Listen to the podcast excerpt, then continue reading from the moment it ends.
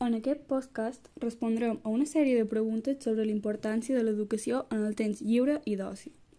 La primera pregunta que ens plantegem és si es pot utilitzar el temps lliure dels adolescents per educar. En la meva opinió crec que sí, ja que donant opcions que puguin satisfer les seves necessitats estem contribuint a que no invertesquin aquest temps en activitats irresponsables o conformistes. Això ens du a la següent pregunta. Què es pot educar?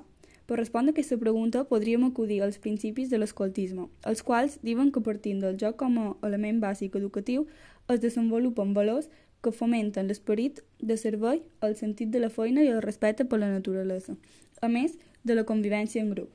I com es podria fer? Oferint alternatives educatives a activitats per satisfer amb seguretat les necessitats lúdiques, creatives i socials de persones de totes les edats. Una altra pregunta seria quan? Quan es tindria que fer aquestes activitats?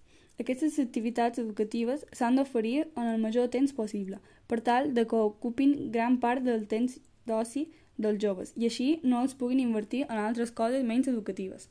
Una vegada solucionades aquestes preguntes, ens plantegem mitjançant quines accions o activitats.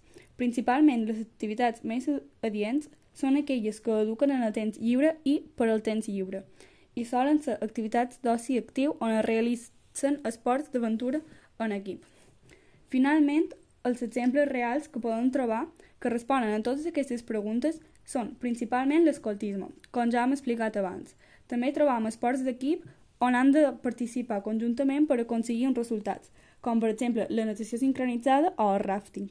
A més, també poden trobar certes zones com Palma Jove, on els joves es reuneixen per realitzar diferents activitats, o també el camp campaments com el campament de la Victòria i granges d'escoles, com la granja El Molí de la Pobla.